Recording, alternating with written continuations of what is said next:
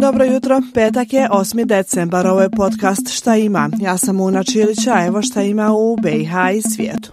One, two, three, four. Zamjenik predsjedavajuće vijeća ministara Bosne i Hercegovine i ministar odbrane BiH Zukan Helez nalazi se u posjeti Češkoj na poziv ministrice odbrane ove zemlje. Helez je u posjetu stigao dan ranije te se susreo sa predstavnicima Češko-Bosansko-Hercegovačke privredne komore, kao i veteranima oružanih snaga Češke koji su svojevremeno bili učesnici mirovne misije AIFOR-a nakon potpisivanja Dejtonskog mirovnog sporazuma. A danas će Helez učestvovati u ministarskom sastanku Višegradske grupe, na kojem će učestvovati i predstavnici Centralno-Evropske odbrambene saradnje, kao i predstavnici zemalja Zapadnog Balkana. Očekuje se da će razgovarati o posljedicama sukoba u Ukrajini i na Bliskom istoku po centralnu Europu i Zapadni Balkan.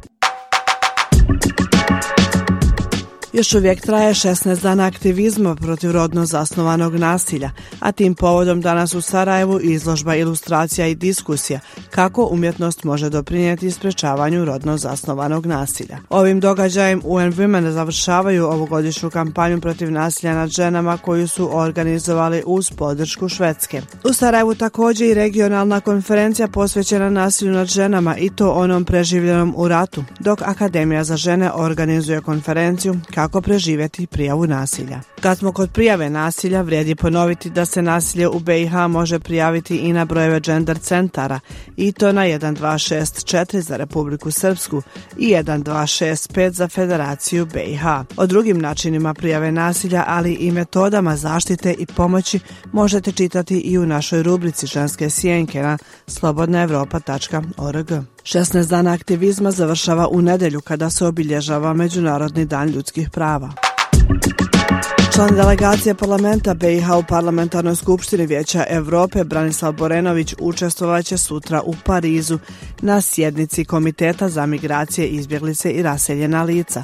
Na sjednici će biti saslušani izvještaj te analiza stručnjaka o aktualnim pitanjima iz oblasti migracija, azila, te o izazovima sa kojima se suočavaju migranti, izbjeglice i raseljena lica. Nakon 30 godina, opera Madame Butterfly premijerno se vraća na scenu Narodnog pozorišta Sarajevo u subotu 9. decembra. Opera u režiji Tadije Miletića u pratnji Sarajevske filharmonije kojom će dirigovati maestro Josip Šego možete gledati u 19.30. Nakon 1949. 63. 86. i 91. godine opera Madame Butterfly kompozitora Giacomo Puccinija peti put će biti premijerno izvedena na sceni Narodnog pozorišta Sarajevo.